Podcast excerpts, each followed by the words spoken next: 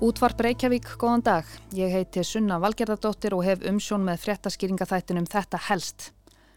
Nú geisa gróðureldar sem ógna hundruðum risa rauðviða í Yosemite þjóðgarðunum í Kaliforníu. Eldarnir breyðast hratt út og búið er að loka hluta þjóðgarðsins.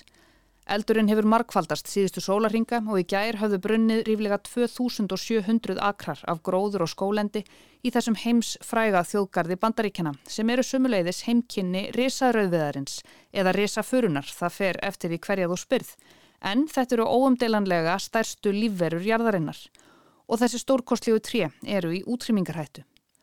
Slökkulisfólk Kaliforníu er nú eins og svo ofta áður í kapplöpu við tíman til þess að reyna að hefta útbreðslu eldana en ekki síst til þess að reyna að bjarga þessum forsögulegu verum frá eðileggingu. Í þetta helst í dag lítum við til Kaliforníu, við opnum gamlar blómabækur og fáum álit sérfræðings á þessum stór merkilegu plöntum sem ganga undir alls konar nöfnum en eru þó alls ekki fyrir.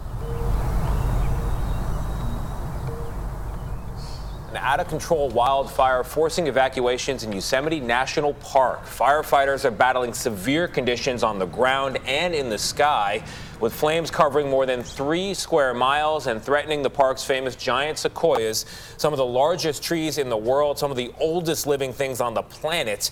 John Vigliotti is... Hér heyrðum við í frétta þul morgun sjónvarp CBS sjónvarstöðvarinnar þar sem hann listi stjórnlausum gróðureldum í Yosemite þjóðgarðinum sem hafa orðið til þess að fólk flýra af svæðinu og búið er að loka fyrir aðgengi gesta í stórum hluta garðsins. Fjölmenn slökkvilið berst við eldana við gríðarlega erfiðar aðstæður bæði frá himni og jörðu. Eldarnir ná nú yfir um 8 ferkilometra svæði þar sem risafururnar Sequoia-trén vaksa.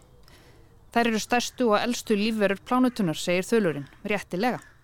Eldurinn kviknaði sunnarlega í hennum vinsala Mariposa skógi þar sem um 500 risa rauðviðir tegja sig til heimins. It looks uh, pretty scary, and I, we're going full force on our suppression tactics. We have wildlife, we have people everywhere. Uh, just really pay attention to the speed limits, look for firefighters, look for equipment, look for animals on the road, and just be safe. Þetta er óhugnanlegt. Við erum núna á hæsta öryggistíi til þess að bregðast við. Það eru dýr og fólk hér út um allt og við byggjum fólk að passa sig vel undir stýri og ker ekki á fratt því að það eru slökkulismenn út um allt. Það eru dýr á veginum og tæki á víð og dreif. Passið ykkur vel, sagði Nancy Philippe, samskiptafulltrúi Yosemite Garðsins og sérfræðingur í eldvörnum. Hún var þarna í samtali við kjeraðsmiðilinn KTLA. Eldarnir brenna á svo afskektu svæði í garðinum að það er erfitt fyrir slökkvilið að komast að því og vatn af skortnum skamti eins og víðar í Kaliforníu. Gróðureldarnir hafa markfaldast síðustu daga og svo verðist sem aðstæðunar séu einmitt til þess gerðar að hjálpa þeim til þess. Það er þurft, það er heitt og það er kvast. More than 2,000 acres of flames paired with blistering heat, low humidity, and difficult terrain. Some 500 firefighters are enduring brutal conditions while battling the Washburn fire, still burning out of control in a southern corner of Yosemite National Park. Um 500 slökkulismenn og konur berjast við hamfæriðnar í þessum söður hluta Yosemite og hitinn af eldunum er svo mikill að hann virðist vera búin að búa sér til sitt eigið veðurkerfi, segja fjölmiðlar.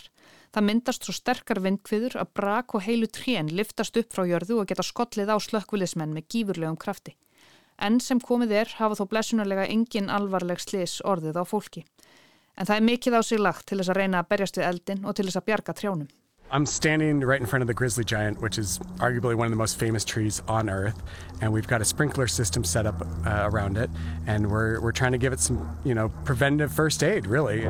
Ég stend hér fyrir framann þessa risa sem eru án efa einn frægustu tríja jarðar, saði slökkulismæður í viðtali við CBS þar sem hann tók sér stutt að pásu. Brunavarnaliðið hafði þá komið upp úðarakerfi við stærstu trén eins konar fyrsta hjálp, saði slökkulismæðurinn, til þess að reyna að bjarga þeim frá brunan. Megafires over the past few years have killed off an estimated 75,000 sequoia trees. These are trees that were once believed to be fireproof because of their thick bark. In some cases, we're talking two feet. But all of that armor is not enough to fend off the kinds of flames that scientists say are being fueled by our rapidly changing climate. Hamfara eldar síðustu ára í Kaliforníu hafa rústað um 75.000 risafurum, saði fréttamaður CBS. Þetta eru tré sem þoldu eld hér áður fyrr þar sem börkur þeirra er óhemju þykkur, oft meira en 60 cm. En öll súbrinja er ekki nóg til þess að verjast logum þessara nýjustu elda sem vísendamenn segja að séu enn einn afleiðing loftslagsbreytinga. Sequoia dendron giganteum, strandrauðviður, strandrisafura, rauðviður eða risafura. Öll þessi heiti virðast hafa týðkast á okkar ylhýra þegar að kemur að því að nefna þessar stærstu lífverurjarðar sem vaksa á mjög afmörkuðu svæði í Kaliforníu, Norður Ameríku. Risarauðviður sem gengur líka undir nafninu risafura eða fjallarauðviður eða jafnvel mammúttré er stærsta tré í heimi og hann er afar langlífur. Hæsti risarauðviðurinn er 95 metra hár og sá sverasti er heilir 47 metrar að ummáli og sá elsti er talin minnst 3500 ára gamal. Þessir mikilfenglegu risar eru taldir í nokkuri útrýmingarhættu þar sem einungis um 80.000 risarauðviðir vaksa í heiminum í dag svo vita sér til. Íslensk nútímamáls orðabók segir þetta um risafuruna. Tegund bartrés. Svo mörg voru þau orð og vissulega rétt þetta er tegund bartrés. Stóra blómabók fjölva er aðeins ítarlegri. Þar segir um þessa tegund bartrés Voldugasta tréð og um leið stærsta lífvera heimsins er risafura eða mammúttré. Sequoia dendron giganteum er talið til alveg sérstakrar ættkvíslar. Hún vex í lundum í 1500 til 2000 metra hæð í Sierra Nevada fjöllum Kaliforníu og verður alltaf 100 metrar á hæð og þvermál 10. Aldur slíkra risa er 4000 ár. Könglar eru 4 til 6 cm á stærð. Hún er nú algjörlega friðið. Rísafurubólir frá fyrri jarðöldum sem smíðam á úr hafa fundist við Bólungarvík og fræ frá Brjánslæk. Þetta stendur sem sé orðrétt á blaðsíðu 96 í blómabók fjölva sem telur þó 600 blaðsíður. Bókin kom út 1972 en þetta á allt auðvitað enn við.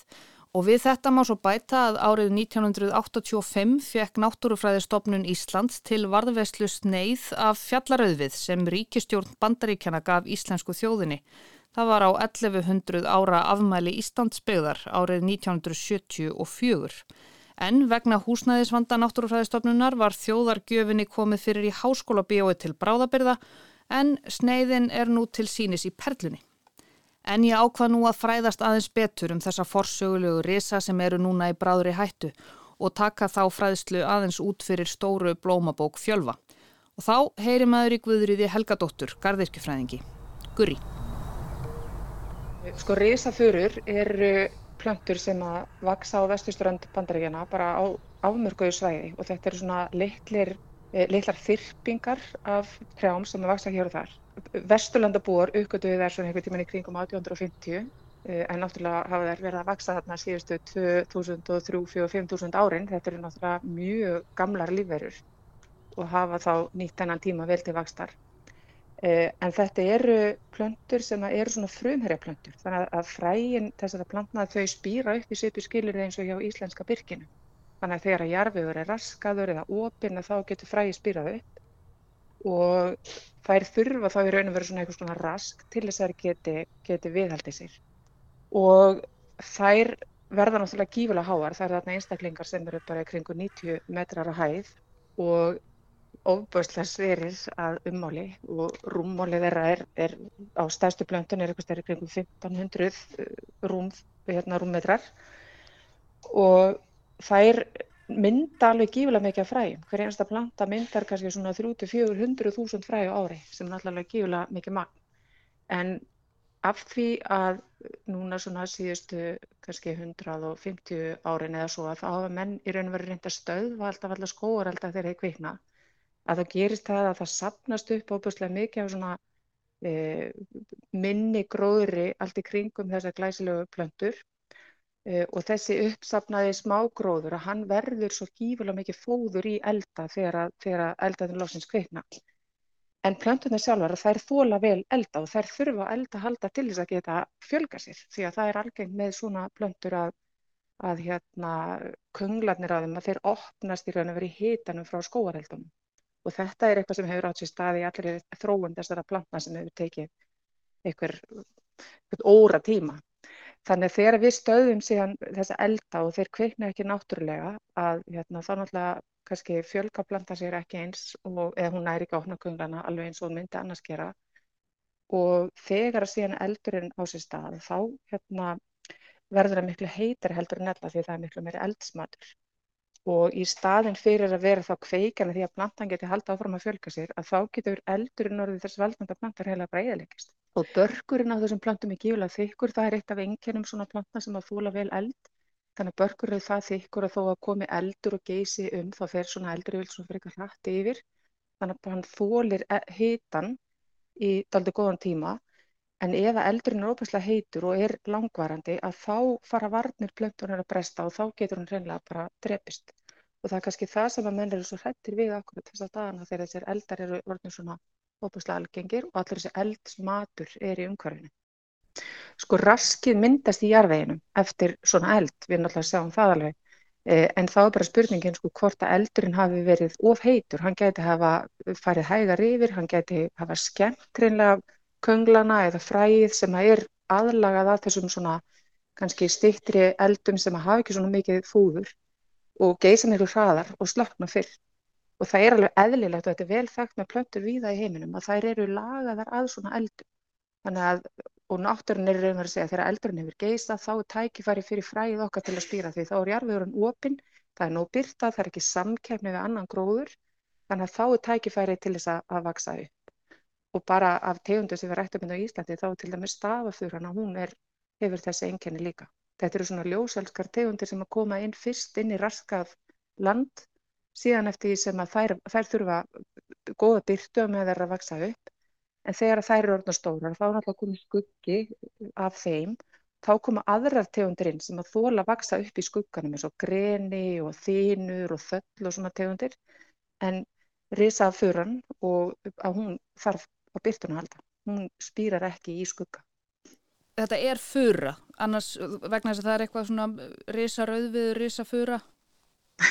Þetta er ekki fura, ekki samkvæmt sko grasafræðilegri skilgreiningu en hún er af, hérna, og hún er ekki eins og af uh, sömu ætt og, og furan.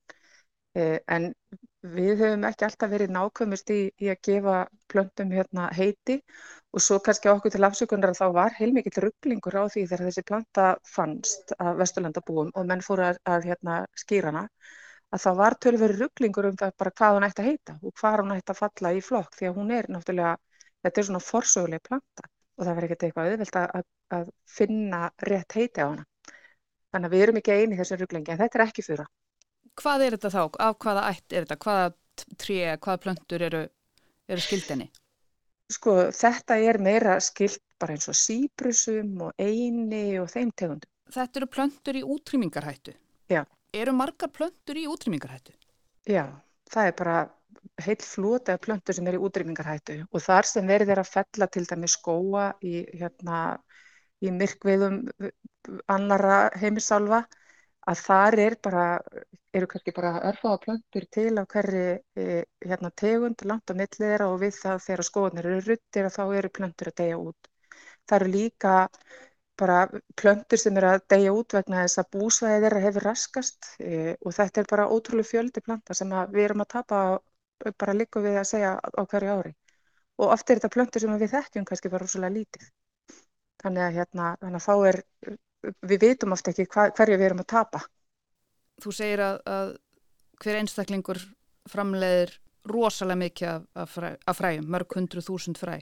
Uh, er einhver vinna í gangi, veistu það, við að, að sapna þessum fræjum og rækta þetta upp? Já, já, já, já. Sko þessi risafjörun er bara mjög vinsæl sem svona ræktu planta og hún hefur verið ræktuð hérna bara víða um heim. En yfirleitt er að það sem hamlar vextennar er raun og veru bara kuldi, þetta er planta sem kemur frá svona hlýju og mildu lofslægi og þrýst vel á svoleiðis svæðum. Og viða í Európa er til ótrúlega fallið svona tré. Í Ástralíu, hérna, Nýja Sjálandi og, og, og hver sem er. E, og við hefum reyndaræktan hérna á Íslandi það verður ekki gengið mjög vel, e, það er að veri fínar svona inn í gróðurhúsi en um leið þær eru settar út fyrir húsins dyr að þá einhvern veginn bara minka þeir með hverju árinu sem lifir. Það er bara svo kallt og risjótt hérna fyrir þær að þær þrýfast ekki. En sem garplöntur og svona skrautplöntur þá eru það rektaðar bara mjög víða og í grasagörðum, Breitlandsegjum og svona í miða Evrópu og svolítið sunnar þar eru til óslulega stóru fallið svona tré. Og þau eru svo formþögur. Þetta er svona óbúslega reglulega keilulegu króna, svona lang keila lang keilulega króna og þau eru, það er líka bara eitthvað svo, svo tegnulegt við að sjá þessi flotti tré maður fær pínleiti í nýjan. Hefur þið séð þau? Já, ég sé svona. Þetta er alveg geggjað. Saði Guðrýður Helgadóttir, Gurri Garðkjufræðingur um risatrén í Kaliforníu. Ætlaði sé ekki óhætt að hvetja hlustendur til þess að googla myndir af þessum forsögulegu lífverum til þess að átta sig aðeins betur á því hversu geggjaðar þær eru, eins og Gurri saði. Nú eða bara skella sér vestur um haf. Tíminn virðist einhvern veginn vera orðin svo litið naumur. Bróthættu risarnir á vesturströnd bandaríkjana voru helst í dag. Takk fyrir að leggja við hlustir og við heyrumst aftur á morgun.